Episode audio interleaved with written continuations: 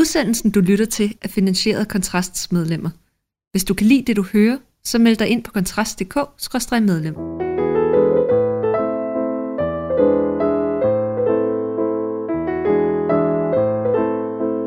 For en uge siden havde jeg besøg af den tidligere islamist Jakub Ali til en snak om øh, synet på koranafbrændinger og meget andet i det islamistiske miljø. I dag der har jeg nok en gang fået besøg af Jakub til en samtale, denne gang om det nye kommuniké, som er kommet fra Al-Qaida og særligt er rettet mod Danmark og Sverige, som har fyldt temmelig meget i den forgangne uge.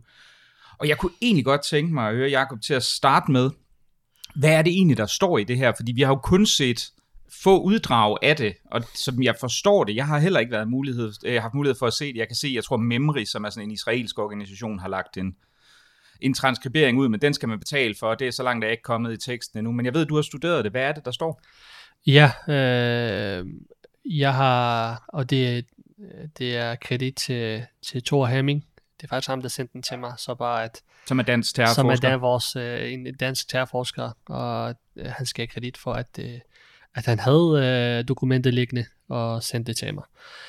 Um, og det var den originale, jeg læste. Det vil sige den arabiske, som kom direkte fra deres officielle media, Sahab.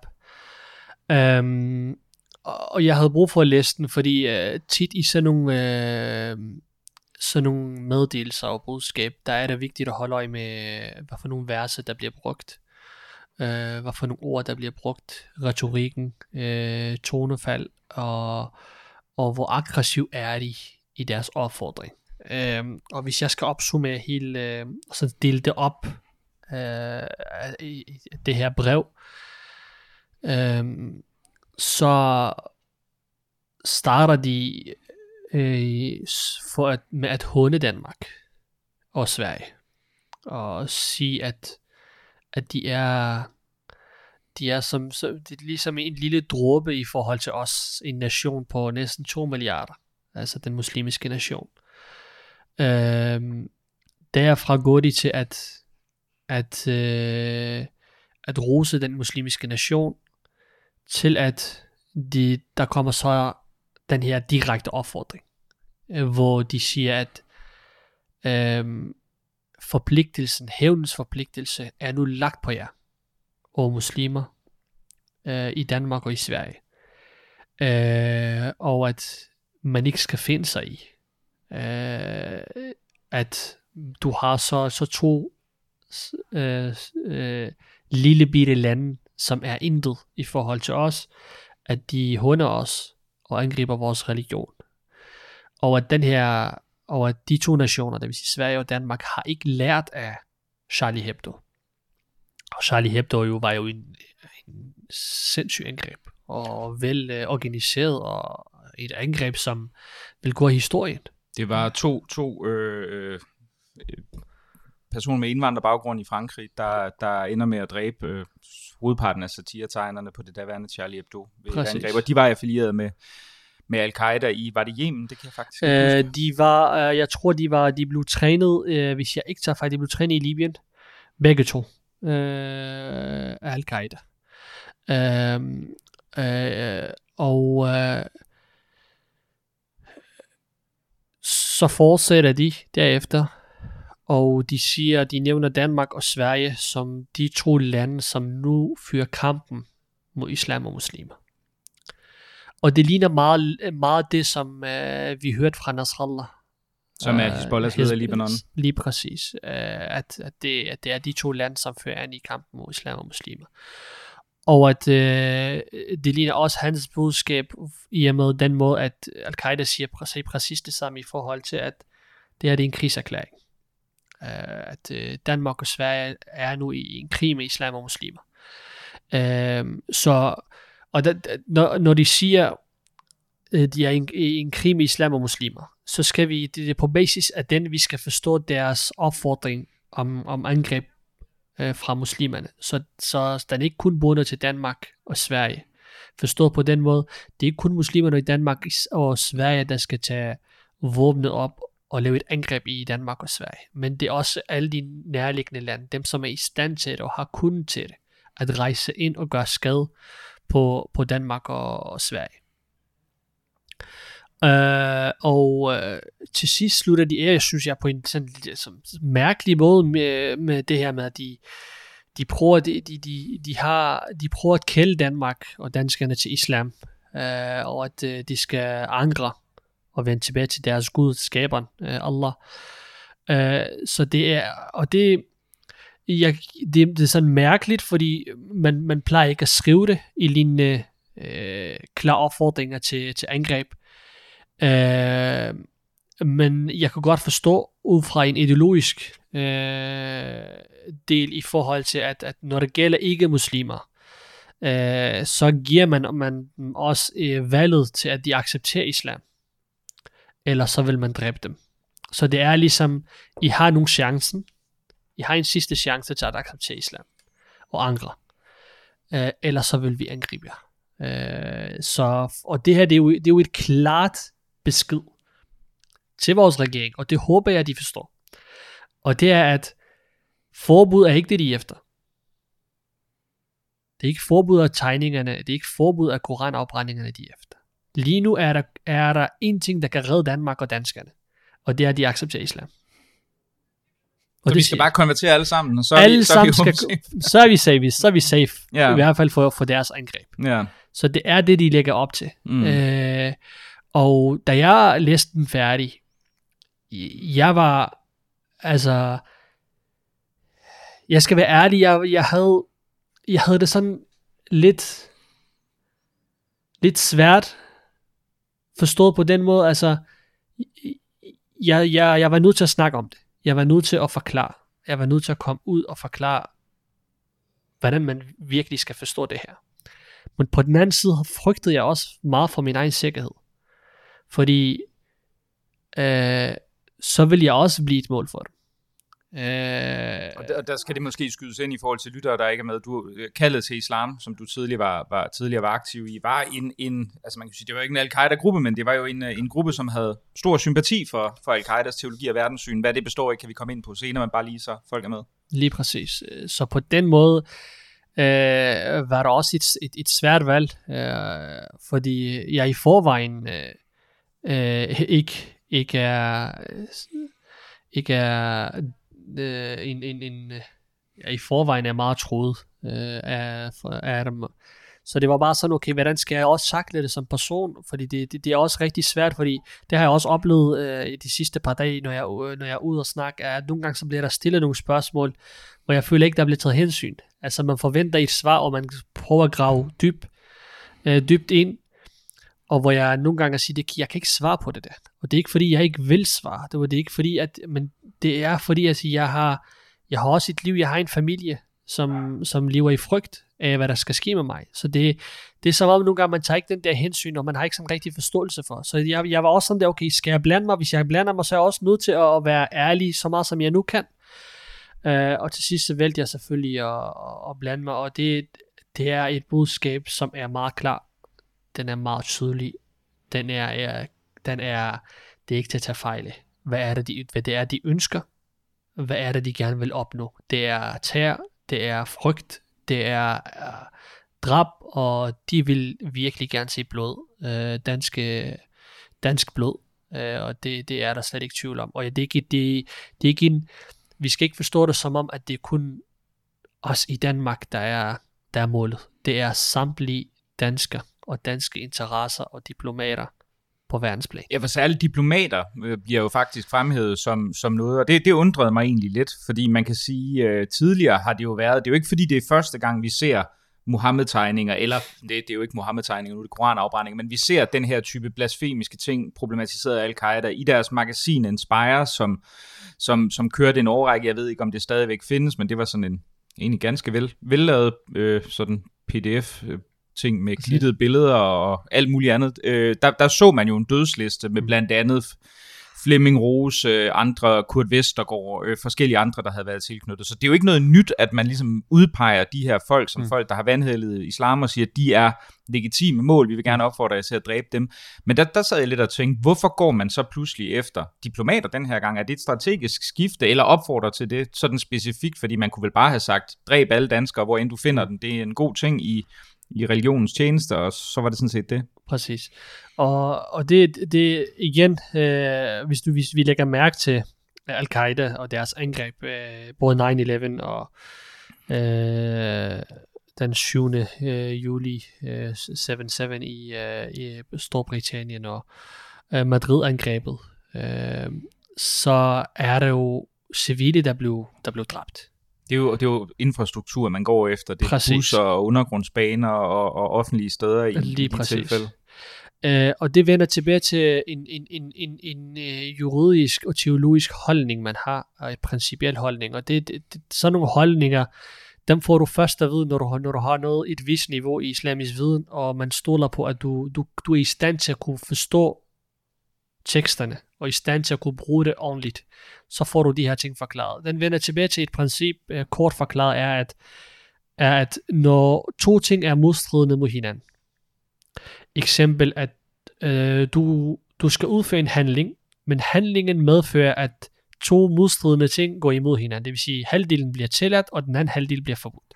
Så i det her tilfælde, at selve angrebet er tilladt og ramt de vantro, men civile, som er forbudt at dræbe, bliver også øh, kommer til at blive ramt.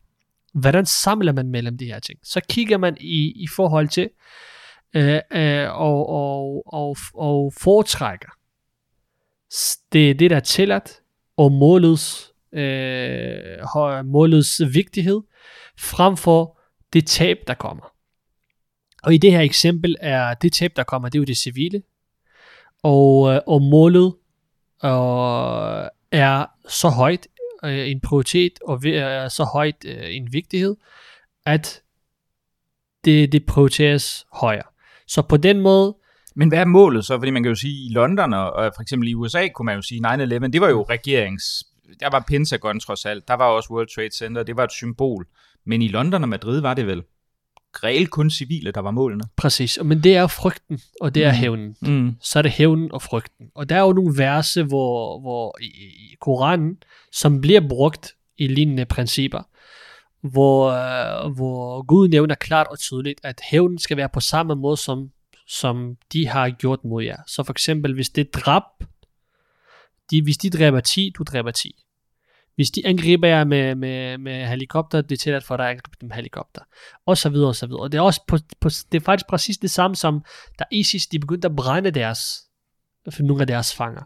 Der var der rigtig mange øh, jihadister og jihadistiske øh, lærte. De gik ud og kritiserede det.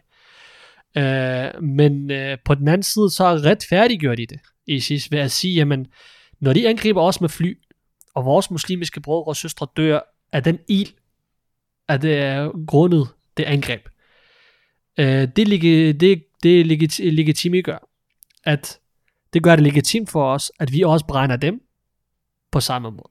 Så det er præcis det samme øh, tekst og juridiske principper, man bruger til at gøre, gøre lignende mål legitimt. Så i Danmark, det kan godt være, at man siger, at man nævner diplomater. Men hvis jeg skal ramme en diplomat, og han er iblandt 100, så rammer jeg, så, så, så dræber jeg hun- en af dem med, at jeg skal dræbe 101 person. Så siger man, men fordi diplomaten er så vigtig et mål, så er det legitimt for mig at dræbe alle sammen, og det vil sige 101 personer, for at ramme den ene. Det er det samme måde øh, med krudtønden. Det er det samme med Charlie Hebdo. Det er det samme med, øh, øh, målet for 9-11 var jo ikke de 3.000, der skulle dø. Det var jo at ramme øh, USA på et punkt, økonomisk punkt, som gjorde, at de, de kom til at lide af det rigtig mange år frem. Øh, så det er, det er den her princip, de bruger. Så det kan godt være, at de, de, de nævner diplomater, Mm. eller de kan nævne politikere, eller bestemte navn. Men hvis Kurt Vestergaard, der står 100 vagter rundt om ham, 100 civile mennesker, ikke engang politimand, civile mennesker og rundt om ham, så er der tilladt for mig at dræbe de 100 for at komme til Kurt Vestergaard Mm. ud fra det princip og det holdninger, de har. Så vi skal ikke til, og det er det, som er nogle gange også lidt svært at forklare det her med, at de tror, jamen, øh, de går kun efter diplomater, så skal vi civile måske ikke være bange. Problemet bare er, hvis diplomaterne er, er i blandt os, Mm. hvis dem, der er deres mål, er i blandt os, så bliver vi alle sammen et mål, fordi vi er tæt på dem. Mm. Øh, Så det er sådan, man skal forstå. Øh, Og der skal man jo så, tænker jeg så umiddelbart, at, at, at fordi man kan jo sige, der er jo sådan en, Altså det, det du taler om, er der sådan en slags proportionalitetsprincip, at Ja. hvis, hvis de brænder ved hjælp af bomber Ja. øh, øh, folk i islamisk stat, jamen, så må de jo så også brænde en jordansk pilot, hvilket sige, Som jeg de husker, gjorde. de gjorde. Præcis. Øhm, men der vil man jo så sige, fordi man kan sige, at i det her tilfælde er der jo faktisk ikke nogen muslimer, der er blevet brændt eller slået ihjel. Altså der er, det, det er Koranen, der er blevet, øh, øh, Præcis. der er blevet brændt, og, og tidligere var det jo så profeten, som man mente var blevet forhånet via Mohammed-tegningerne. Men det er så fordi, at man kan sige, de er så hellige i islam, at det retfærdiggør, at du simpelthen slår meget store antal mennesker ihjel, fordi det er proportionalitet i, i deres optik, eller hvad? 100%. Og at, at det er, øh, at det vægtes højere. Hævnen er, er højere, specielt øh, med, med tegningerne af profeten. Det er der ikke noget, der kan komme i nærheden af. Vi kan invadere 10 muslimske lande. Uh, det hævn, vi vil få derefter, er intet i forhold til det hævn, vi vil få, hvis vi tegner et billede af profeten. Og det er ideologisk klart, og det teksterne er meget klar, og det er med klar enighed i, i den islamiske nation fra start til slut. Og det er ligegyldigt, hvilken retning du kigger på. Og det er også vigtigt for os, fordi nogle gange så, så, så binder vi Mohammed-tegningerne, øh, og, og det reaktion, der kommer i form af hævn til kun ekstremisterne. Og det, det Øh, fuldstændig misforstået. Fordi hvis der er noget, selvfølgelig der er ideologiske forskelle, der har været mange grupperinger igennem den islamiske historie, men hvis der er noget, der går igennem alt sammen, hvor de på alle fløje er enige om, så er det lige netop det her. Og det er, at der er ikke noget tilgivelse for hundelse af profeten, om det er direkte eller indirekte. Og det er den måde, vi har gjort det på i Danmark, det har været klart og tydeligt direkte hund af, af profeten. Så det er ikke noget, vi kan slippe for. Den vil altid være der, den vil altid være der, og vil altid være et mål, legitimt mål for, for, for, for de her ekstremister. Nu kan man jo sige, at øh, som jeg også nævnte før, der har tidligere været både angreb og, mange, og trusler fra al-Qaidas side mod Mohammed-tegner, mod danskere. Det har været en, en, en almindeligt forekommende ting trods alt. Al-Qaida står jo ikke, i hvert fald måske ikke i den offentlige bevidsthed, der må du jo rette mig, men det står jo ikke som en stærk organisation længere. Det er jo lang tid siden, vi har der har været store angreb fra al-Qaida. Det er ikke som om, at der er sket så meget på den front her. Men alligevel så mener du, at der er tale om, at det her det er en trussel, som er noget andet, end det vi har set hidtil. Hvorfor det? Uh, Al-Qaidas uh, tilbagegang uh, skyldes jo uh, uh, først og fremmest, at, uh, at de har lidt nogle tab i de muslimske lande. Uh, og uh, de har lidt tab på den måde, at ISIS har overtaget meget af det, som de ville have overtaget, hvis ikke ISIS var til stede. Så det største slag for dem har det været ISIS, og ikke så meget vestlige angreb, eller, eller de vestlige, øh, altså, eller vores demokrati, eller vores måde at håndtere dem på. Det, er, det skal vi vide. Altså, det har været, at ISIS har været til stede, har det været et kæmpe slag for Al-Qaida. Og de er først øh, ved, de har, de indså først, det er rigtig far, og den, det store trussel, som ISIS har, har været, først for hvad, fire år siden, fem år siden, før det, så sov Al-Qaida i team, og at i og med, at de sov i team, har jo gjort, at de har let et kæmpe slag i mange af de muslimske lande. Uh, fordi at hvor end ISIS kom, deres hovedmål var at angribe Al-Qaida. Og det gælder Afghanistan, det gælder Pakistan, det gælder Libyen, det gælder Marokko, Algeriet og Yemen, Syrien og Irak. Samtlige steder ISIS kom, og det gælder også Vesten. Altså vi var jo fire år i krig, hvor vi var pro-Al-Qaida, og den anden gruppe var pro-ISIS. I fire år i krig i København, med overfald, med forsøg på likvideringer, med voldsomme ting, øh, slåskampe mellem os. Øhm, så det største slag mod Al-Qaida har ikke været Vesten, men det har til gengæld været ISIS. Og det er så spørgsmålet er, har det været godt for Vesten eller ej? Det mener Vesten, fordi Vesten har jo den frihed, de har givet til ISIS i de muslimske lande, har de ikke givet til Al-Qaida. Og det kan vi vende tilbage til senere hen, når vi snakker om forskelle mellem Al-Qaida og ISIS. Hvorfor at Vesten så for, har foretrukket ISIS frem for Al-Qaida. Øh, så det er det, det, det, det der, det ligger. Øh, men det betyder ikke, at de har mistet medlemmer i, i Europa, eller de har mistet den her mandat eller respekten øh, til, til tværtimod. Den vil altid være der, fordi de er, det er dem, som har været på, på banen Det har de her de øh, øh, kreds i, i, i længest tid, det er dem, der har det mest erfaring. Det er dem, der, der, der har de mest vidne, lærte øh, i blandt sig og imamer blandt sig. Øh, grundene til, at, at hvorfor de kommer med sådan et budskab på sådan et tidspunkt. Øh, for mig det er det er klart på grund af nogle bestemte ting. Først og fremmest, øh, de har mistet Ayman Zawahiri. Ayman Zawahiri var ikke en... Han var uddannet læge, og han var det, man kalder en, en, en diplomat. Forstået på den måde, han var en... Hans fremgangsmåde var lignet slet ikke den fremgangsmåde, som Osama Bin Laden havde, eller tidligere ledere som fra, fra Al-Qaida, såsom øh, Zarqawi fra, fra Irak.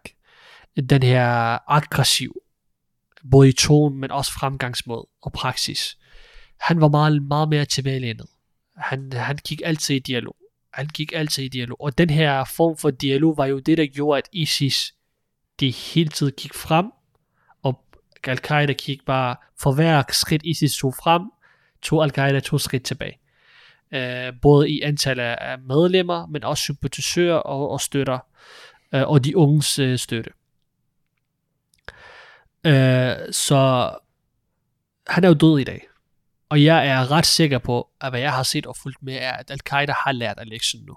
Og har set, at det er en gyld mulighed lige nu, at vi vender tilbage til vores storhed og vores storhed, mens Osama Bin Laden han var levende, som var, at Vesten er vores fjende, og vi er nødt til at angribe dem. Vi er nødt til at lave nogle aktioner, som gør, at det er Al-Qaida, der hævner islam og muslimerne.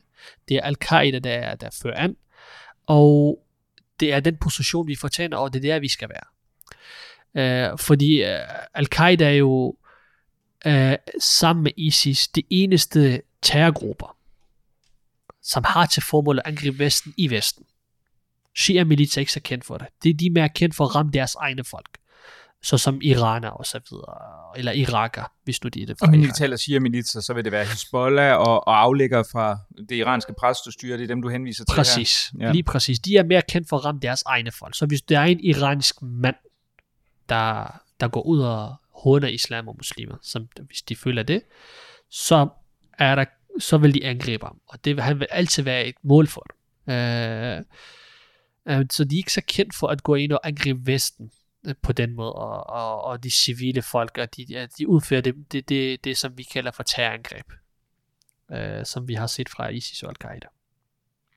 Så det er de to grupper, som, som har den her ideologi, at vi rammer dem der. Øh, så lige nu er, er det en gyld mulighed for Al-Qaida at, at vende tilbage til den storhed. Og de er nødt til at, at, at bruge de muligheder, de har. Og den her, det er en kæmpe mulighed for dem. Uh, og det, derfor, det er, det er en besked, som, som ikke er så specielt, fordi det er mod Danmark og Sverige så specifikt. Det er ikke kendt fra dem.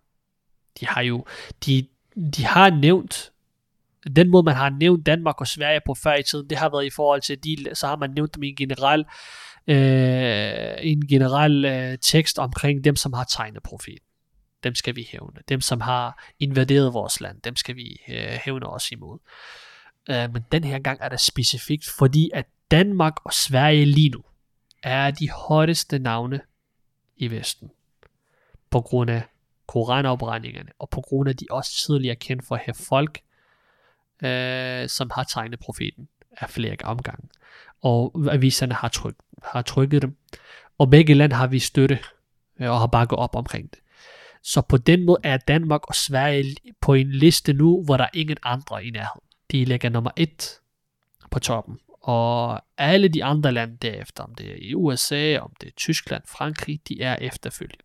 Og det er det, der er klart og tydeligt i det budskab, og det er det også det, som Al-Qaida vil gerne vise nu. Altså, vi har ikke glemt jer, øh, og øh, med koranafbrændingerne beviser i, at de har ikke lært af Mohammed-tegningerne, og at de angreb, vi gav, og det er den måde, vi chokerede og ramte Frankrig på, den har ikke lært jer en lektie, og dermed er det jer, der står på mål nu, fordi de mener klart og tydeligt i dag, at hvis de rammer Danmark og Sverige, som jeg er 100% sikker på, at de vil gøre alt for at gøre, alt for at gøre, så kommer de til at sende en chokbølge gennem Europa, og så vil der ikke være så mange, der vil være, der vil kunne have, der vil som regering tør at forsvare koranafbrændinger eller tegninger af, af profeten Mohammed.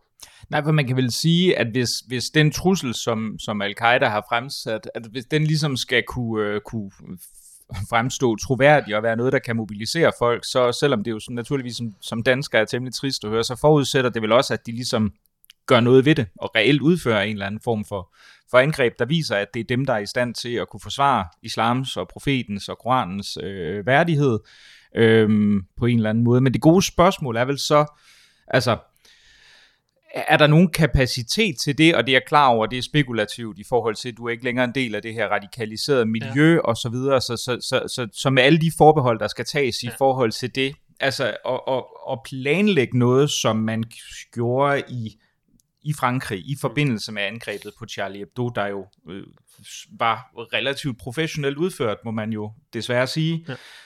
Findes den kapacitet i Danmark i dag? Ja, i forhold til mandskab, ja forhold til folk, der er i stand til at håndtere våben. Og som er villige til at dø for deres sag. Og som er villige til at dø 100%.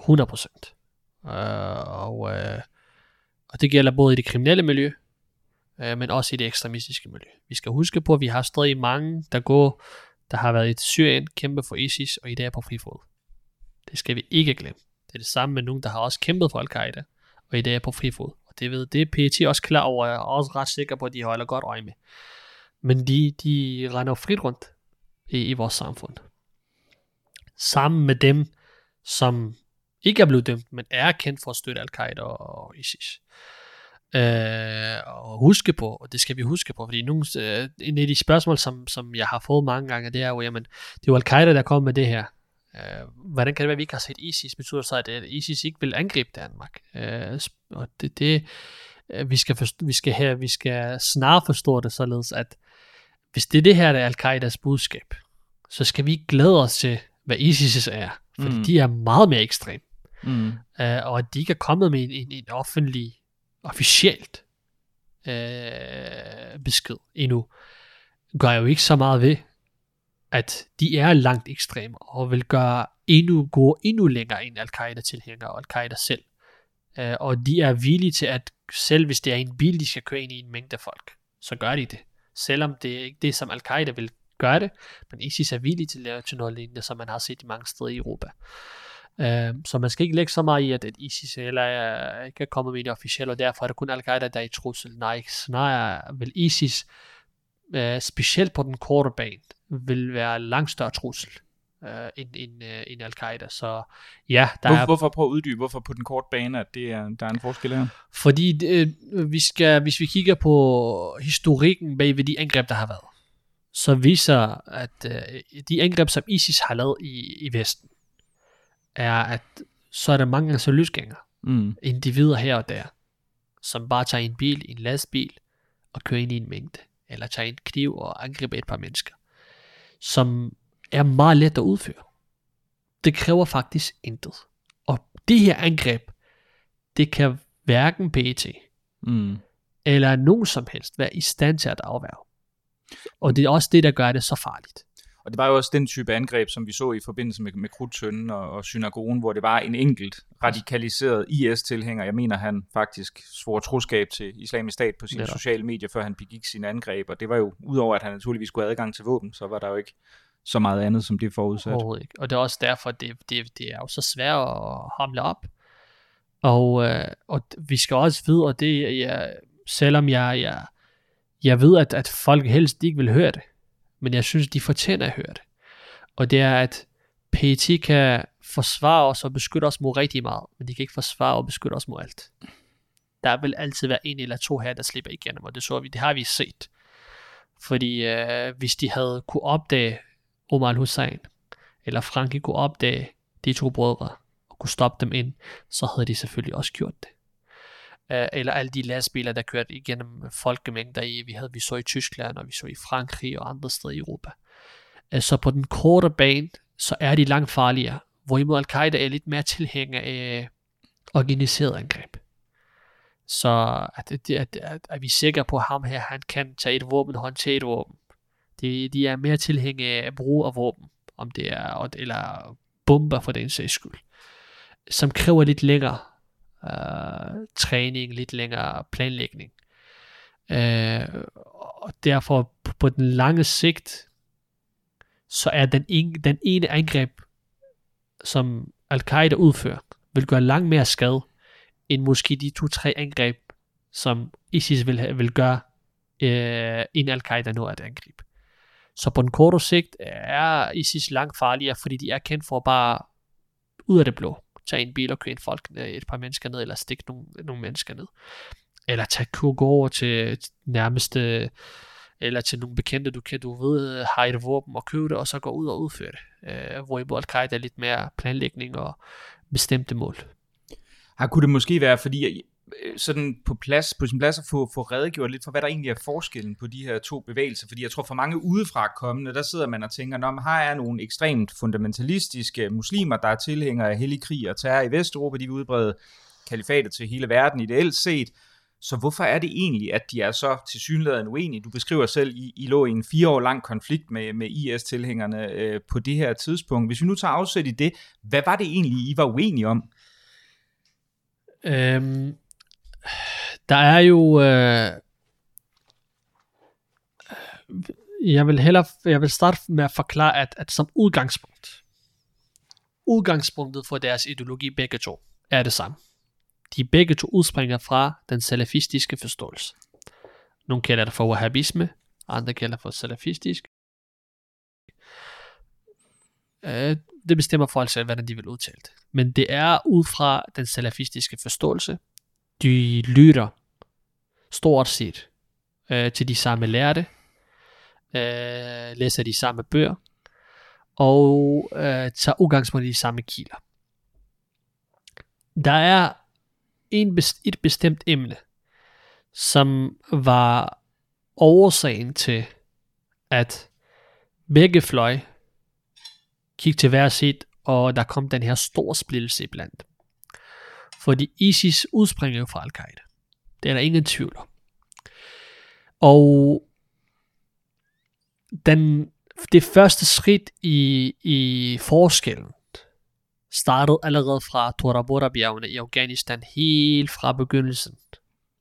Øh, som var en diskussion, og som var en, en øh, noget, som ledte til, at Zarqawi, som senere rejste til, til Irak, og, øh, og dannede øh, øh, den her øh, dannede øh, Al-Qaida. Jeg tror, den hedder Al- Al-Qaida i Irak og Levanten, eller noget Præcis. i den stil, som var sådan en slags forgænger for, for islamisk stat, som, som blev kendt for faktisk, som du også selv nævnte, nogle meget ekstremt brutale, altså det var jo Sakari, Sakaris trademark, han henrettede sådan både journalister og civile og andre ting på video, og noget som, som vi faktisk ikke rigtig havde set fra Al-Qaida på samme måde måske med undtagelse af henrettelsen af Daniel Pearl til, tilbage i Pakistan i sin tid, men, men, men det, var, det var ret nyt på det tidspunkt. Lige præcis. Øh, og øh, øh, så forskellene, eller den, øh, det første skridt, øh, blev taget derfra allerede i Torabora-bjergene, fordi det er dokumenteret, der var nogle hæftige diskussioner mellem Osama Bin Laden og Zarqawi. Hvad, hvad er de uenige om? Jamen, uenigheden øh, øh, lå ikke så meget ideologisk, men mere hvordan man øh, politisk og hvordan man øh, udførte øh, og praktiserede øh, hele sin ideologi.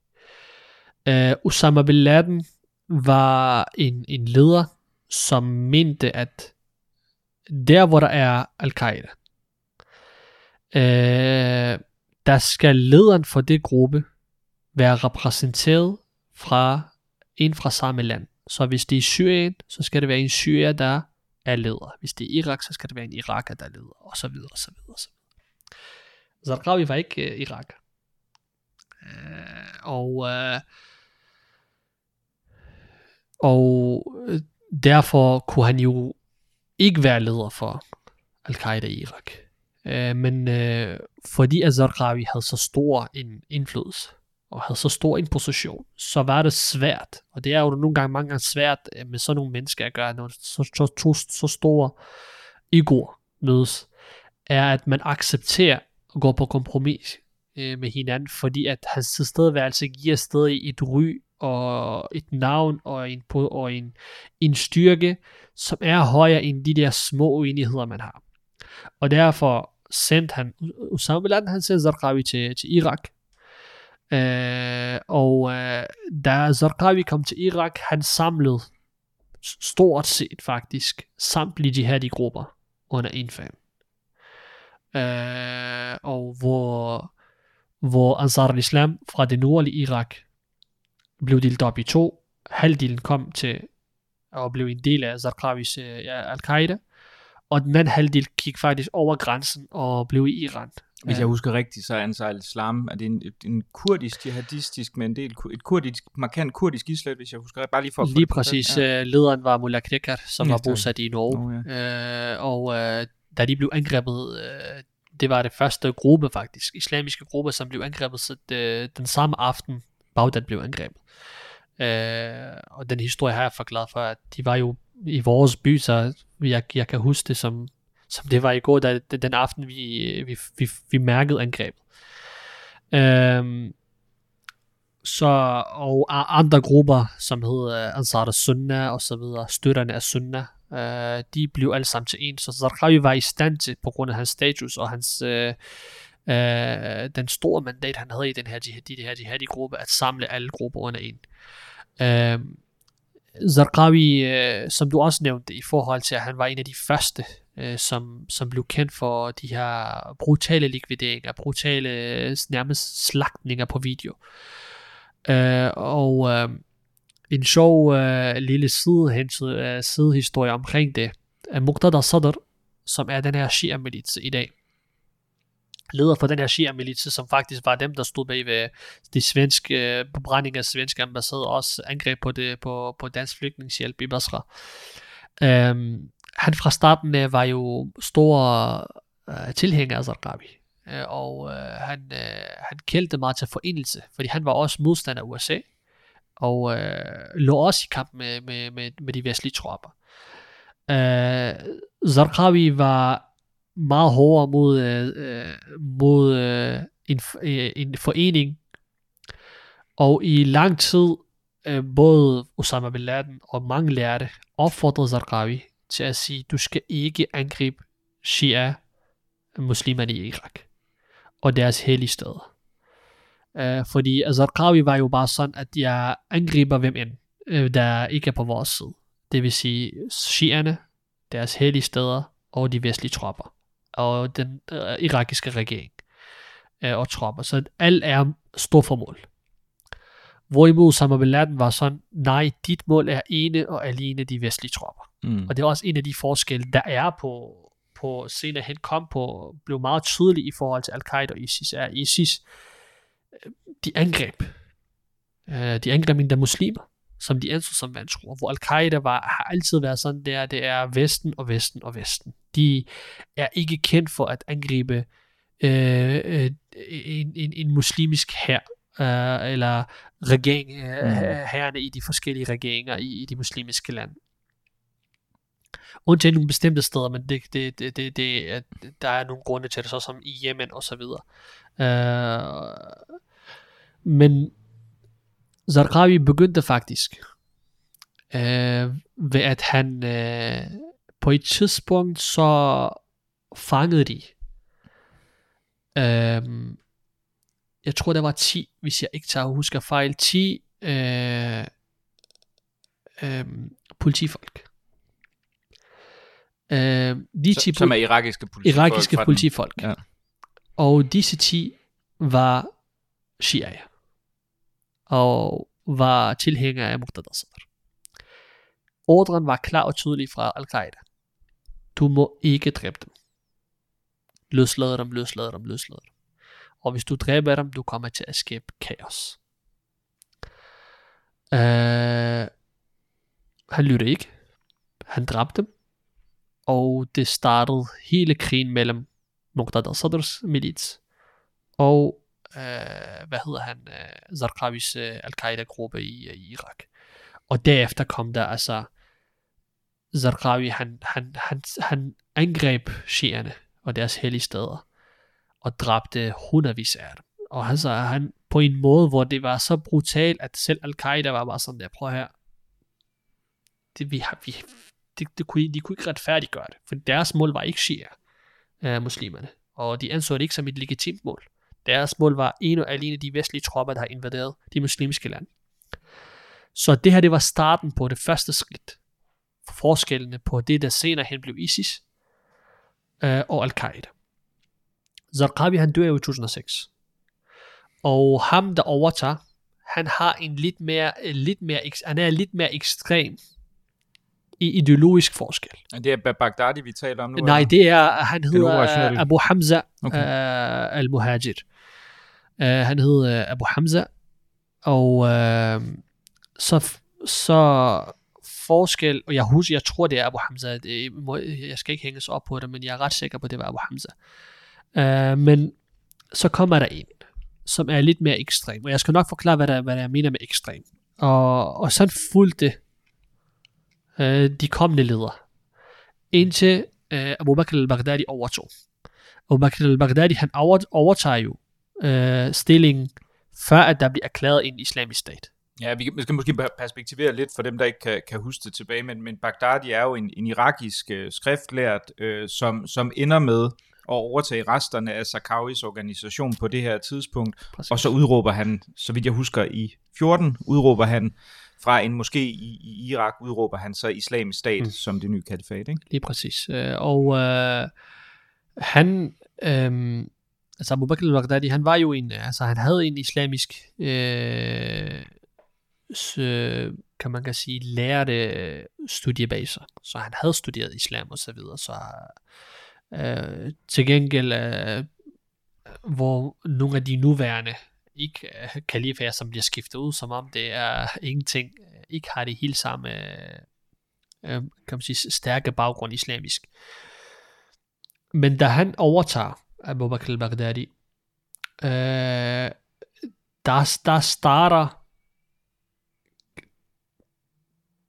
for alvor det store forskel mellem øh, det, vi kalder for ISIS og Al-Qaida. Okay, hvad er så forskellen mellem dem, hvis de er enige på så mange punkter, men alligevel øh, i praksis er der så stor forskel på, når de, øh, når de øh, laver op- operationer. Det vender tilbage til en holdning øh, og et princip øh, i islamisk teologi, er, hvornår frafalder en muslim islam? Hvornår kan vi kalde ham for ikke muslim længere? Den diskussion gjorde, at der kom en kæmpe at, at, at, at, at forskellen mellem øh, Al-Qaida og ISIS blev åbenlyst. Øh, så åbenlyst, at alle, deres, øh, alle de ting, de var enige om, var, tog man ikke længere hensyn til. Og at de begyndte at, endte med, at de begyndte at angribe hinanden. Og erklære, den ene erklærede, ISIS erklærede Al-Qaida for vantro, og Al-Qaida kaldte ISIS for, for vildlidte, så som er obligatorisk, det man kalder for khawarij, som er obligatorisk at angribe og dræbe. Den her holdning omkring, hvornår man må kalde en muslim for, for vantro, øh, stammede ikke fra selve ISIS egne rækker. Den stammede fra en, en, en, en, en imam fra Saudi-Arabien. Den her imam, han var i Saudi-Arabien, og øh, han havde de her meget ekstreme holdninger for, hvornår en muslim han frafalder islam. Hvor han mente, at hvem end, hvem, hvilken som helst muslim, der, fra, der, der begår en vantroskab, det kan eksempel være, at han går, øh, når han, øh, når han laver bøn, han laver ikke bøn til Allah, men han laver bøn til en mand i en grav. Øh, eller til profeten eksempel også. At han er en vantro. Hvem end der begår en handling af vantroskab, han er på stedet i en vantro. Men han stoppede ikke der. Og så sagde han, at hvil, hvilken som helst muslim, der heller ikke anser ham som vantro, mm. bliver også selv vantro. Og gik videre til den tredje, og sagde, at hvem en muslim så, der heller ikke kalder den første og anden for vantro, bliver også selv vantro. Så det blev en, en kædereaktion, som endte med, at Hvem end der ikke anser den, som har begået et vantroskab, som har begået en vantroskab, som har begået en vantroskab, bliver også selv en vantro. Så til sidst er der spørgsmålet, jamen, hvor mange muslimer er der så tilbage Mm. på, på jordkloden? Og man giver ikke undskyldning for det. Det vil sige, man, man undskylder ikke for det, jamen, hvad hvis han er, han er uviden omkring det? Hvad hvis han ikke anser det som vantroskab? Hvad hvis sådan, hvad hvis sådan? Hos dem, nej. Det er ikke undskyldning, og vi tager ikke hensyn til lignende ting. Den her imam fra Saudi-Arabien, på et tidspunkt, han får tilladelse til at komme ind i Tunisien, til at holde kurser. Og en af vores folk i Danmark, som kendte ham personligt, han advarede Al-Qaida i Tunisien. Han sagde, lad være med at give ham tilladelse til at komme ind i Tunisien, til at undervise. Han er vildt og vil vildet. De lytter ikke. Han sagde, at han er muslim, og vi kan ikke stoppe ham, og alle de her principielle ting, altså han er en muslim, vi har, vi, vi, vi har et brøderskab, vi kan ikke afvise vores bror. Og han er en lærte, og han var en lært, der er slet ikke i tvivl om, han var altså sprogligt og vidensmæssigt, var han på et niveau, ikke mange kunne følge med. Så det, det, det var også hans fordel. Han var ren øh, retorisk, og ren i forhold til tale, øh, hans taleevner, var jo på sådan et niveau, at hvis ikke man var, man virkelig var stærk i islamisk videnskab, og du lyttede til ham, så blev du fanget på stedet. Og derfor var han så dygtig. Da han rejste til Tunisien, på det her tidspunkt Ansar al-Sharia, som er Al-Qaidas øh, gruppe i, i, øh, i, øh, i Tunisien, er jo i kæmpe fremgang. Og vi, når jeg snakker om fremgang, så er det et unge i tusindvis på landsplan i Tunisien, som tilslutter sig Al-Qaida. Da han rejser derover og får frit, fri tøjler til at undervise, så spredes hans holdninger også. Og de unge, hvor mange af dem var uvidende, mange var tidligere kriminelle, og så lige blev begyndt at forholde det, øh, som deres blod den koger, og de føler sig ikke over, de føler sig ikke set, de vil gerne, øh, altså nu, de, de er frelst, og de vil gerne opnå et kalifat, og de er en del af noget større. De blev hurtigt påvirket af hans holdninger, som gjorde, at mange i Ansar Sharia, rigtig, rigtig mange, de, de fleste af dem, begyndte at lytte til ham, frem for Al-Qaida selv. Og derfor, senere hen, rigtig mange unge fra Tunisien tilslutter sig ISIS. Og rent faktisk, de mest brutale i blandt ISIS var faktisk tuniserne. Og mange af deres folk blev også ledere for, for, for de, deres forskellige afdelinger. Så herfra startede hele den her for alvor, den store uenighed blandt Al-Qaida, hvor Al-Qaidas holdning var, jamen, ikke en hver person, der begår et vantroskab, bliver en vantro. Mm. Der er mange betingelser, før vi kan kalde ham en vantro. Har han viden om det er vantroskab? Altså, de gik ikke engang videre til den næste. Mm. De stoppede allerede der ved den person, der har begået vantroskab. De siger, vi kan ikke kalde ham for en vantro, før vi har undersøgt mm. alle de ting, øh, der er omkring ham, før vi, vi udsteder en dom. Jeg giver dig et eksempel. ISIS-folk, de sagde, at hvem ende, der stemmer til et demokratisk valg, er en vantro. Mm. Iblandt muslimerne. Al-Qaida sagde nej. Al-Qaida-folk. De sagde nej. De muslimer, der stemmer til et demokratisk valg, er ikke vantro. Selvom handlingen er vantroskab. Du må ikke lovgivning til, til, tilhøre kun Allah. Men vi kan ikke gælde dem for vantro, fordi de er uvidende omkring, hvad demokrati vil sige. Og hvad et stemt til et demokratisk valg vil sige. Denne holdning gjorde, at Al-Qaida begyndte at erklære krig imod muslimerne selv. Mm. Fordi når du kommer til et land som Syrien og Irak, hvor der er så meget uvidenhed i, i, om islam, og folket har, har levet har levet i krig i så mange år. Og specielt Syrien er jo lidt anderledes Syrien. De har jo levet under et, et meget øh, øh, under Bashar, selvom han har undertrykt sin befolkning på nogle punkter, men det har været meget vestligt. Altså kvinderne øh, gik jo meget vestligt klædt, og der var meget altså musik og dans, altså det var meget vestligt, det vestligt gjort, men altså lignede lidt, lidt en form for demokrati-agtig. Så når du kommer der til en befolkning, som er meget øh, vestlig i sine tanker, og meget øh, du ved, fri i sine tanker, og du er så hård, så kommer du til at, til at møde modstand, og du kommer til at erklære folk for vantroer, fordi det går Mm. rigtig hurtigt, så bliver den ene og tredje og fjerde og femte i rækken, alle sammen bliver øh, være vantroer. Som gjorde, at ISIS endte med at erklære krig mod samtlige islamiske grupper i Syrien Mm. fordi de anså dem alle sammen for vantro. Selv Al-Qaida. Den eneste gruppe, de var sådan i tvivl om, ikke i tvivl, men ikke turt at sige direkte, at de var vantroer, det var Al-Qaida. For de vidste godt, okay, dem der, hvis vi også kender dem for vantroer til at starte med, så bliver det rigtig svært for os, fordi så vil rigtig mange angribe os. Så fra starten af, de har ikke noget problem. De sagde samtlige islamiske grupper i, i Syrien, de er, jo- de er vantroer, og vi skal angribe dem. Undtagen Al-Qaida. Men senere hen, der er ikke noget, der gik et års tid, halvandet år, så, kom, så, så, så var det altså officielt, at Al-Qaida er også vantro. Og de sagde faktisk, de sagde, alle dem, der efter Osama Bin Laden, de er alle sammen vantroer vildt. Fordi de nu, de følger ikke længere Osama Bin Ladens vej. Den, den vej, vi følger, er det, som er det, som, det, det er det lærer, som Osama Bin Laden og Zarqawi har lært os. Og efter han døde, Zawahiri, Ayman Zawahiri og hans følgere og folk, de har kommet med noget helt andet øh, holdning, og de er blevet forblevet imod Vesten Mm. øh, og øh, imod de vantroer. Så når ISIS erklærer krig mod samtlige muslimske grupper erklærer krig mod dig, så er det ikke andet tilbage, end at du er også nødt til at forsvare dig selv, og at komme til et punkt også, hvor du er nødt til at angribe dem. Så det er, hele den her forskel er faktisk en, en, en, en, en meget dybtgående og længerevarende juridisk og teologisk forskel, øh, eller betingelse eller holdning, som i overfladen rigtig mange mennesker ikke kender til. Muslimer, der kender ikke til det. De kender ikke til de her holdninger, hvad, eller hvad det her vil sige, osv. Så spørgsmålet så er, hvorfor ISIS havde nemmere ved at rekruttere de unge end Al-Qaida?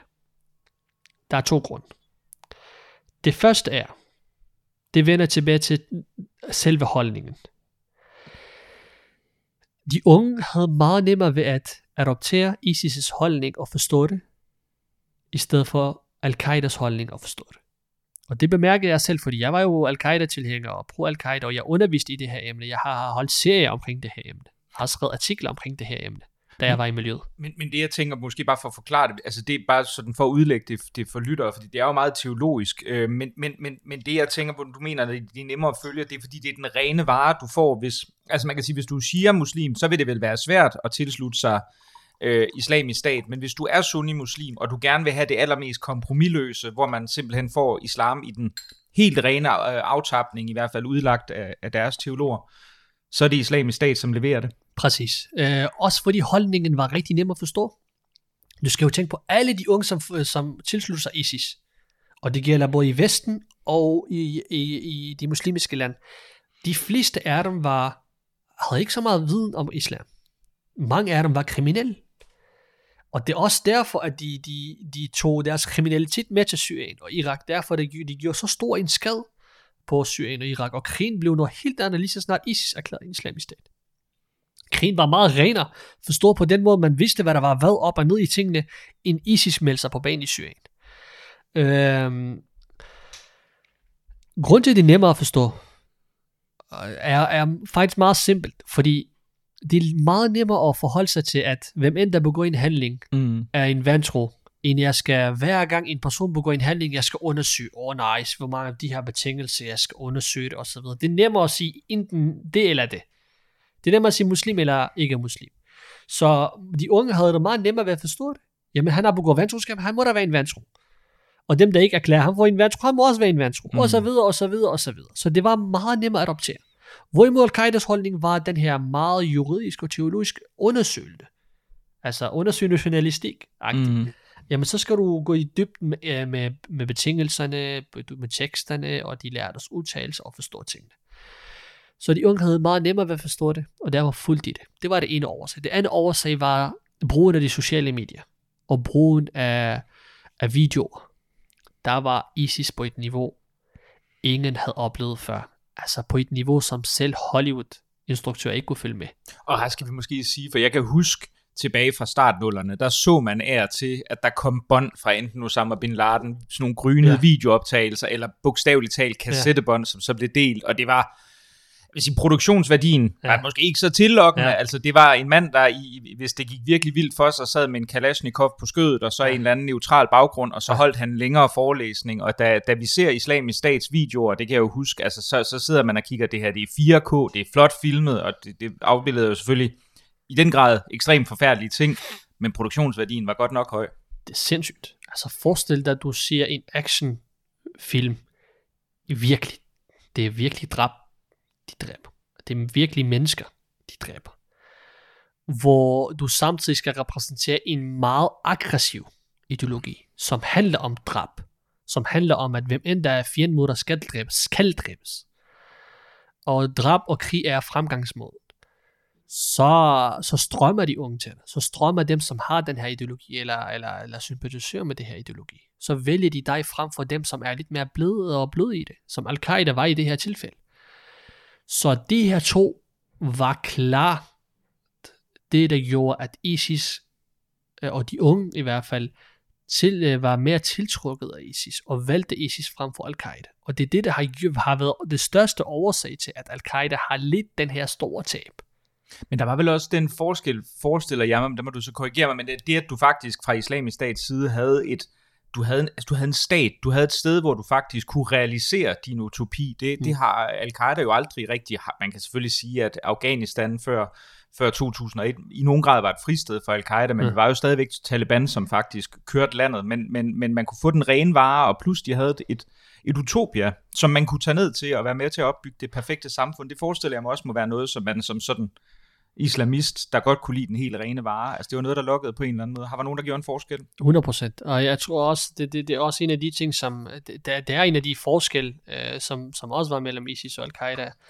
Øh, med, men, men som ikke havde den, den, den store betydning for, for deres splittelse, men øh, i forhold til deres fremgang, øh, ISIS havde nemmere ved at erklære en by øh, som værende et, et kalifat, eller øh, en by styret af sharia. Hvorimod Al-Qaida var meget mere sådan, de snakker ikke højt om det. Fordi de vidste godt, at hvis de snakker højt om det, så bliver de til et mål. Øh, som vi også så, uh, Raqqa blev senere hen, hvor den, altså, Raqqa ikke længere Raqqa i dag, fordi den blev nærmest altså, øh, bombarderet af sønder sammen. Øh, så den, den del øh, var øh, ISIS med det samme, så snart de overtager et område eller en by, den er, den er, nu er den en del af kalifat. Så bliver det med det samme implementeret sharia, og de tager ikke hensyn til, om folk har forståelse for sharia, kan følge det, er, er parate til det. Hvorimod Al-Qaida er mere sådan, når de overtager et sted, før de implementerer de forskellige lov. Der er nogle ting, du skal implementere med det samme, men mange af, af de praktiske lov, eksempel kan være rygning. Rygning er forbudt i islam. Men hvis de kom og overtog en by, og de så folk ryge, Al-Qaida folk, de gjorde ikke noget ved det. Lige overtaget, vi kan ikke forbyde folk at ryge. Det er en, øh, det er en vending.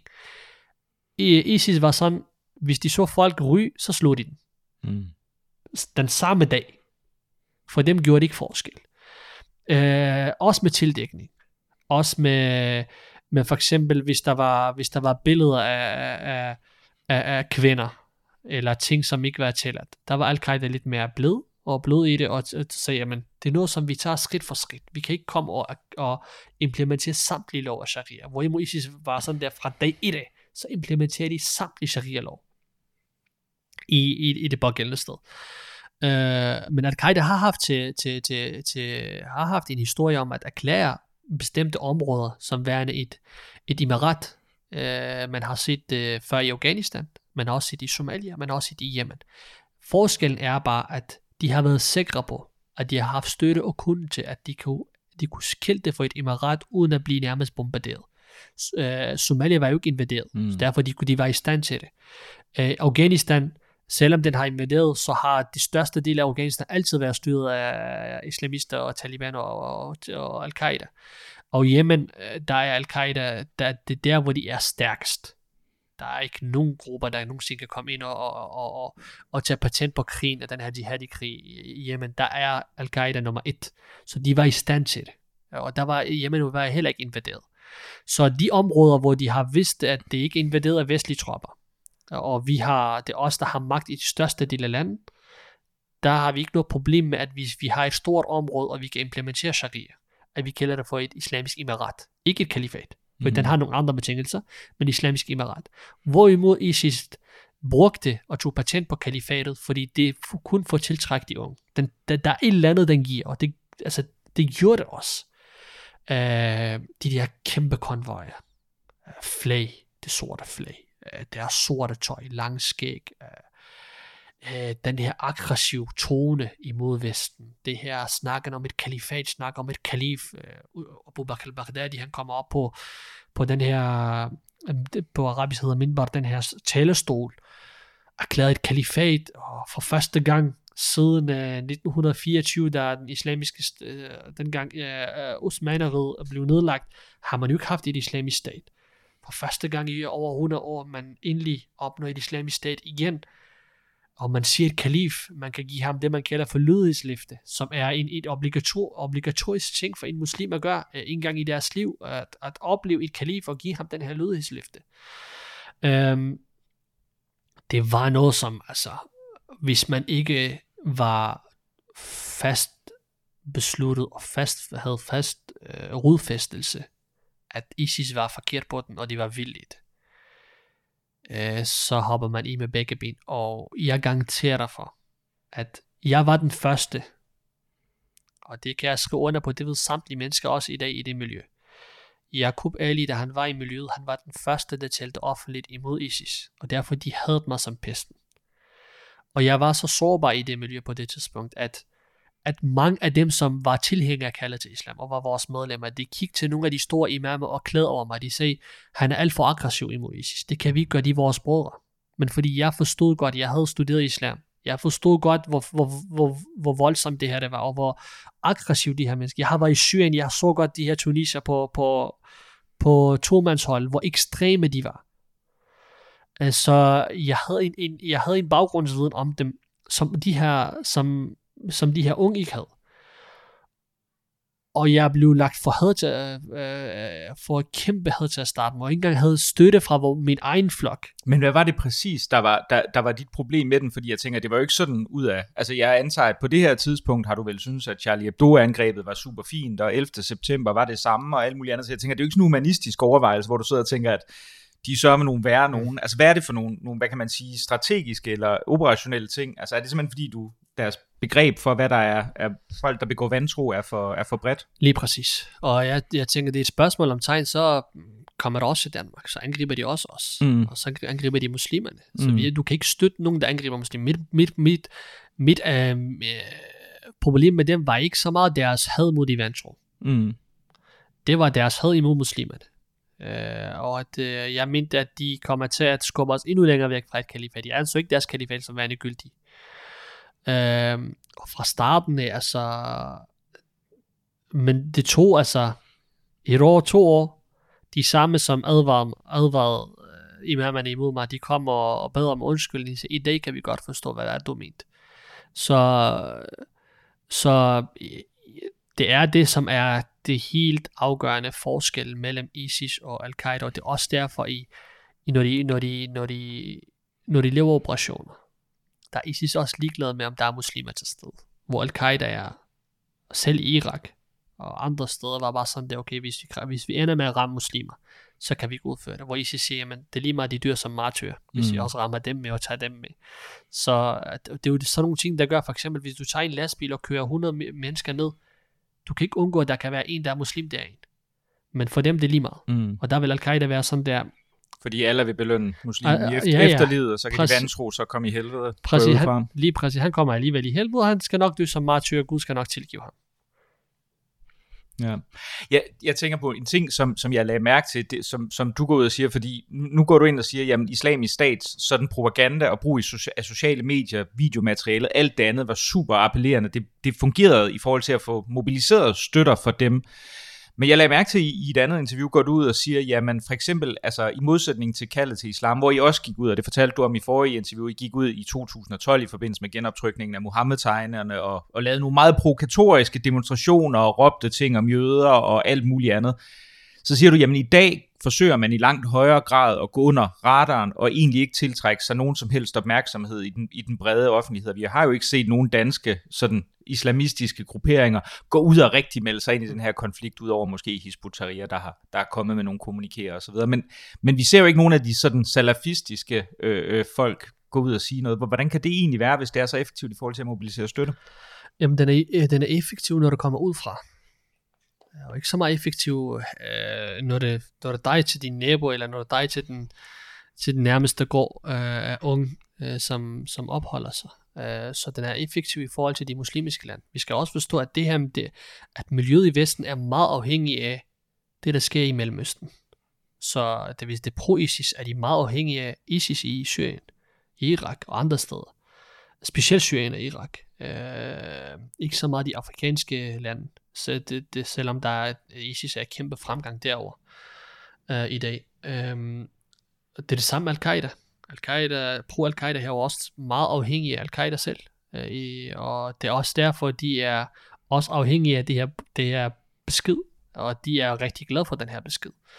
Fordi der, det der med, der er stadig liv, der er stadig liv i vores gruppe, der er stadig liv i, i vores øh, ideologi, der er stadig liv i vores folk.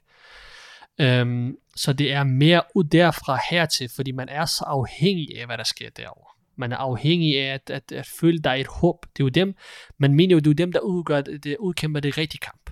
I Vesten mener man, at herover der er vi under pres, og vi kan ikke, fordi lige udsagt, om det er pro-Al-Qaida pro-ISIS, havde de haft mere magt, så havde de også angrebet os. Har de haft kunden, så har de angrebet os. Så det eneste grund til, at de ikke angriber, det er fordi, at de enten de mener, at de ikke har kunden til det, øh, og kun kan være mandskab, det kan være økonomien, det kan være, at øh, de ikke har våben nok. Øh, så det er ikke et spørgsmål om, om, om, om, om eller det kan være på grund af, at de, de mener ikke, det, det er det rette tid lige nu, eller man ikke har fundet de rette mennesker til at ramme. Så det er kun et spørgsmål om, det er ikke et spørgsmål om gyldigheden. Det er ikke et spørgsmål om, er det tilladt eller ej. Det er ikke et spørgsmål om, øh, øh bør vi gøre det. De mener, at det er obligatorisk at gøre det. Og de fryder sig over, når der er nogen, der udfører det. Øh, men der er bare nogle andre ting, der, der spiller ind og som sætter en, en, en stopper for det. Så det er herover har man valgt at gå under radar på grund af det pres, øh, medierne har lagt på, på dem. Og så, er jo, så bliver jo hele diskussionen for os, er jo, okay, det kan vi tage på et andet tidspunkt i forhold til, hvorfor nogle muslimske lande har haft succes ved at nedkæmpe terrororganisationer, hvorimod andre lande har haft kæmpe problemer med det. Hvad kan årsagerne være? Men det, der har gjort, at man har gået under retterne her, er på grund af det pres. Spørgsmålet så er, er det bedre for os, at de er aktive, og de er synlige, eller at de er underretter? Hvis du spørger mig, jeg vil hellere høre lam, fordi så ved jeg, hvor de er. Men det, der følger med lam, det er også, at der kan komme mere rekruttering. Mm. At der kan komme flere støtter. Men på den anden side, hvis der ikke er lam, betyder det så, at der ikke kommer flere mennesker? Svaret er nej. Betyder det, at de ikke får flere støtter? Svaret er nej. Men det betyder samtidig også, at vi ikke aner, hvad de går rundt og laver. Vi ikke ved, hvor de er. Vi ikke kender navne og, og ansigte på, på, på dem, der er en del af miljøet. Så det er altså, det er en kæmpe dilemma, man er i, som land og som regering. Uh, og igen, det er noget, som vi kan tage på et andet tidspunkt i forhold til, hvorfor nogle lande i muslimiske lande har haft kæmpe succes med at nedkæmpe de her jihadi-grupper, og derfor de har ingen fodfæstelse i det her land. De har intet skulle have sagt, og de, de, udfører ind, øh, de har ikke mulighed for at kunne udføre noget som helst angreb, selvom de anser dem stadig som vantroer og det obligatorisk at angribe dem. Så det er et kæmpe, kæmpe dilemma for os, men jeg, der er ingen tvivl om, at i dag har vi meget svært ved at, at opdage. Mm. Og at vi får også rimelig svært ved at opdage, hvis der kommer noget. Før i tiden, der var ISIS, deres pro-grupper meget lammende. De lavede videoer, og de lavede sådan, og så man havde et, et altså, man mm. vidste, de var der. Kunne sætte ansigte på dem, og så videre. Derfor 2019, december 2019, de 21, der blev anholdt, og dem, som endte faktisk med at blive dømt. Du kan finde dem alle sammen på billeder af den gruppe, som er pro-ISIS i Og hvad er det for et angreb i, i 2019, der bliver forhindret der? Det kan jeg simpelthen ikke... Uh... Jamen, der var, øh, det, det, var, det skulle være to vidt forskellige angreb. Den ene øh, af de her pro-ISIS medlemmer, han, han købte våben. Og det viste sig, at ham, som man skulle købe våben fra, det var en, en PET-agent, mm, så ja. de anholdt ham på stedet øh, i parkeringspladsen på, i Fields. Og øh, den anden var sammen med sin nuværende kone, øh, det vil sige en mand og en kvinde. De havde købt øh, øh, materiale til at, til at lave øh, bomber, til at udføre et angreb i Danmark. Begge to pro-ISIS-grupper. Og faktisk begge to har jeg også undervist, har været begge to været mine elever, og begge to blev smidt ud af vores gruppe, fordi de var alt for ekstreme. Og så tilsluttede sig og blev pro-ISIS øh, senere efterfølgende. Øhm, så det er det, der gør, at, at PET har også været i stand til at vide, hvad det er for nogle mennesker, man skal holde øje med, fordi man har haft dem på billedet. Mm.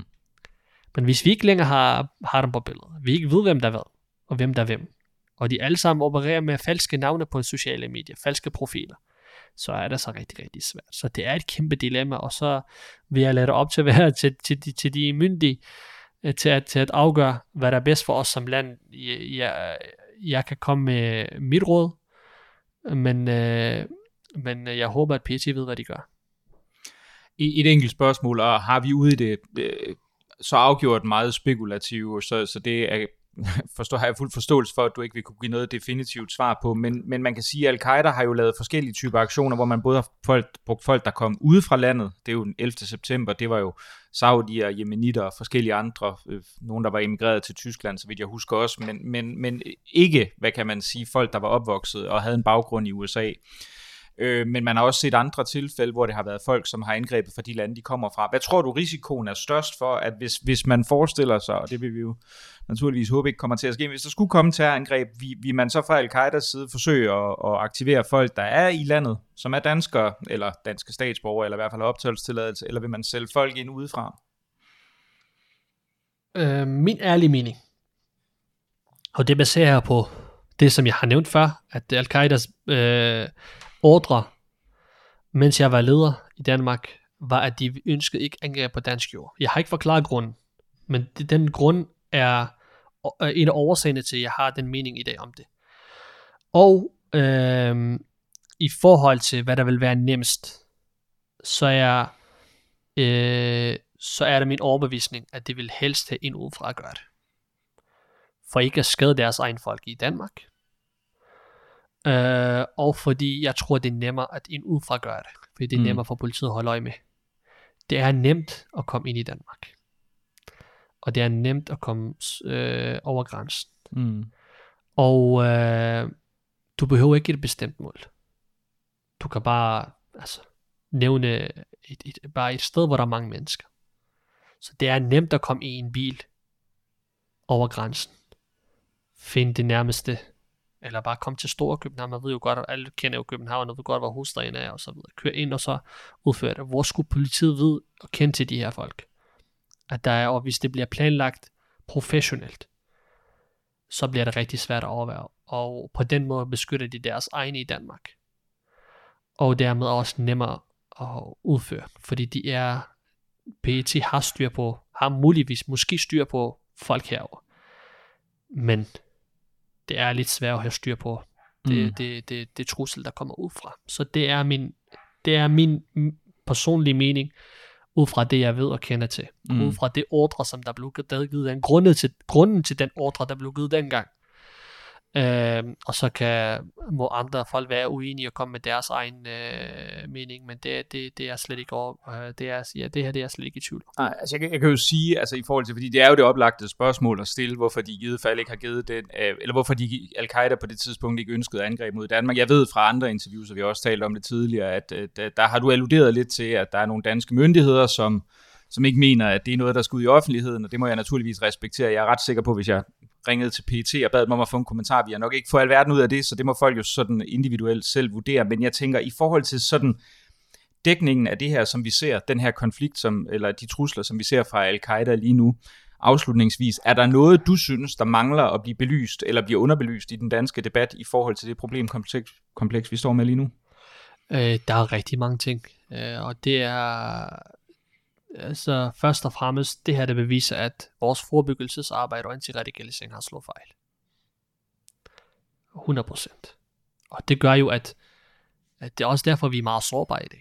Vi er meget, meget sårbare. Vi er, når jeg kigger på Dan- Danmark og Sverige lige nu, og på vores situation lige nu, så er vi meget sårbare.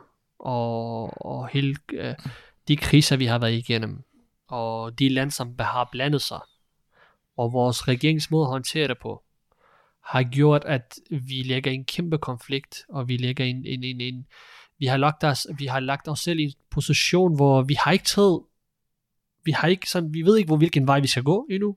Det der bliver snakket om forbud, befolkningen er uenige, vi skal holde fast i ytringsfrihed. Øh, truslerne kommer, øh, vi hæver trusselsniveau, vi ved, vi er troet, men hvad skal vi gøre? Der er ikke en klar udmelding fra PET, der er ikke, regeringen har travlt med alt muligt andet. Øh, de vil hellere rejse til Kina og, og snakke om og, vores sikkerhed her. Altså, vi, er, vi lever i en tid, hvor jeg mener ikke, Danmark har været så truet, som vi er i dag. Jeg er ikke i tvivl om, at i dag er vi mere truet end under Mohammed-krisen. Øhm, vi har ikke forstået, hvem er det, vi har med at gøre. Og det har jeg sagt fra starten. Vi har ikke forstået, hvad er det for en ideologi, det vi står overfor. Hvad er det for, en, hvad er det for nogle grupper, vi står overfor. Fordi, for det er derfor, vi snakker om forbud.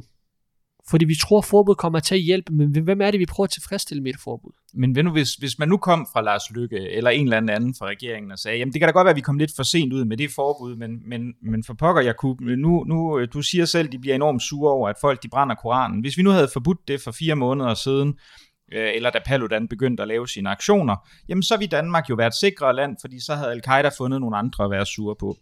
Jamen det bekræfter først og fremmest, at vi har ikke en regering, der ikke, øh, der ikke er egnet til at være i regering. Vi har nogle folk deroppe, der ikke er kloge nok og ikke har lært af historien. Og det bekræfter også endnu en gang, at vi har brug for en ny regering. De er simpelthen ikke egnet til at passe på os. Hvis, de, hvis, hvis de kommer med den indrømmelse, som vil, de ikke vil komme, fordi vores politikere aldrig indrømmer deres fejl.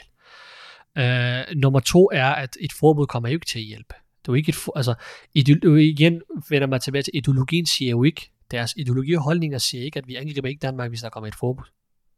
Og derfor, jeg tror ikke på trusselsniveauet. Jeg tror, vi vil altid være nummer et, og et klart mål for terroristerne til et hver tid. Den her trussel kommer til at gælde, og den vil altid hænge over hovedet på os. I, I det miljø plejer man at sige, at hvis vi dræbte samtlige danskere, vil det stadig ikke være hævn nok for deres tegning af vores profet. Det synes jeg, at vores regering skal lige tykke lidt på, før de snakker om et forbud og tro på, at et forbud kommer til at gavne. Det her det er ikke en holdning, som er kun kommer ud fra. Det er så også nogle holdning, som mennesker i Danmark har. Nogle folk, der går rundt i blandt os, som står i samme kø som os i, i butikkerne, som står i kø med os i, i trafikken, som går i, vi går i skole og på arbejde med. Okay? Det eneste grund til, at man ikke tager det næste skridt, det er ikke et spørgsmål, om det ikke er tilladt, eller de, de synes, det er synd for os, eller de kan godt lide os. Men det er et spørgsmål om, at det rette tid ikke er kommet. Eller man som menneske ikke har ikke kunnet til at udføre og gøre rigtig virkelig ondt. Så det er ikke et spørgsmål om, forbud kommer til at hjælpe. Vi har allerede overskrevet den grænse. Vi kan aldrig blive tilgivet. Vi vil aldrig nogensinde komme under radaren hos dem. Og den grænse, den overskredet vi. Først og fremmest, da vi tegnede profeten Muhammed. Men det andet også er, du står over for en ideologi, der mener, at hele verden skal overtages, og der ikke er plads til de vantro. Man giver dem først, og det, det, det lagde vi også mærke til i, i, i deres øh, besked. Man giver dem chancen for at konvertere til islam. Men hvis ikke de accepterer det, hvad var budskabet i beskeden? Hævnen er pålagt jer over muslimer. Det vil sige, at de skal dræbes. Mm. Det er den ideologi, du står overfor. Du kan ikke gå i dialog med de her mennesker. Vores regering indrømmer, at vi kan ikke gå i dialog med Al-Qaida. Vi kan ikke gå i dialog med de her militser.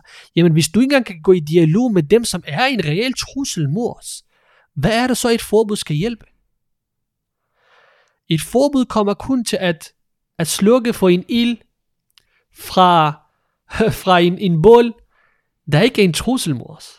Og det er kun dem, som er sure her og der. iblandt den, øh, den, den, musl- øh, øh, øh, iblandt den danske befolkning, det er jo ikke en reel trussel, de her mennesker. Dem, som er en reel trussel, det er dem, den, tru, den mennesker, som er ekstremister, mennesker fra pro-Al-Qaida og pro-ISIS. Og de stiller sig ikke tilfreds med. Har vi hørt, det er også derfor, jeg garanterer dig for, hvis pro-Al-Qaida-gruppen, folk i Danmark, eller al-ISIS, eh, selv, selv Hizbut Tahrir, som har også den her ideologi om, at det er et kalifat, de går efter. Læg mærke til alle de grupper, som hvis formål har et genoprettet et islamisk stat. Selvom de har forskellige måder øh, at gøre det på. De har ikke snakket om øh, at opfordre Danmark til at leve et forbud, hverken mod tegningerne eller... De har endda kaldt det for hyklerisk. Så hvis de, hvis de her grupper, som er de mest ekstreme, havde accepteret et forbud, har de, jeg garanterer dig, for de var kommet ud og sagt, vi ønsker, at Danmark skal lave et forbud.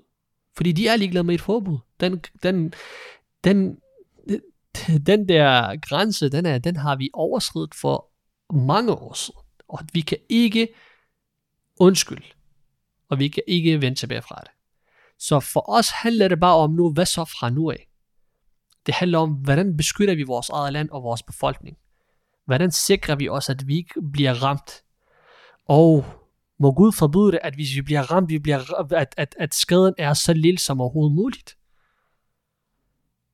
Og det handler først og fremmest om, at vores regering skal stå fast. Jakob Ali, med den opfordring, så vil jeg sige tusind tak, fordi du kom igen og gav et, øh, et indblik i et miljø, som jeg tror ikke så mange andre kender på, på nærmeste hold, og dem, der gør, er typisk ikke nær så villige til at, at tale så meget om det, som du er. Tak fordi du kom. Selv tak.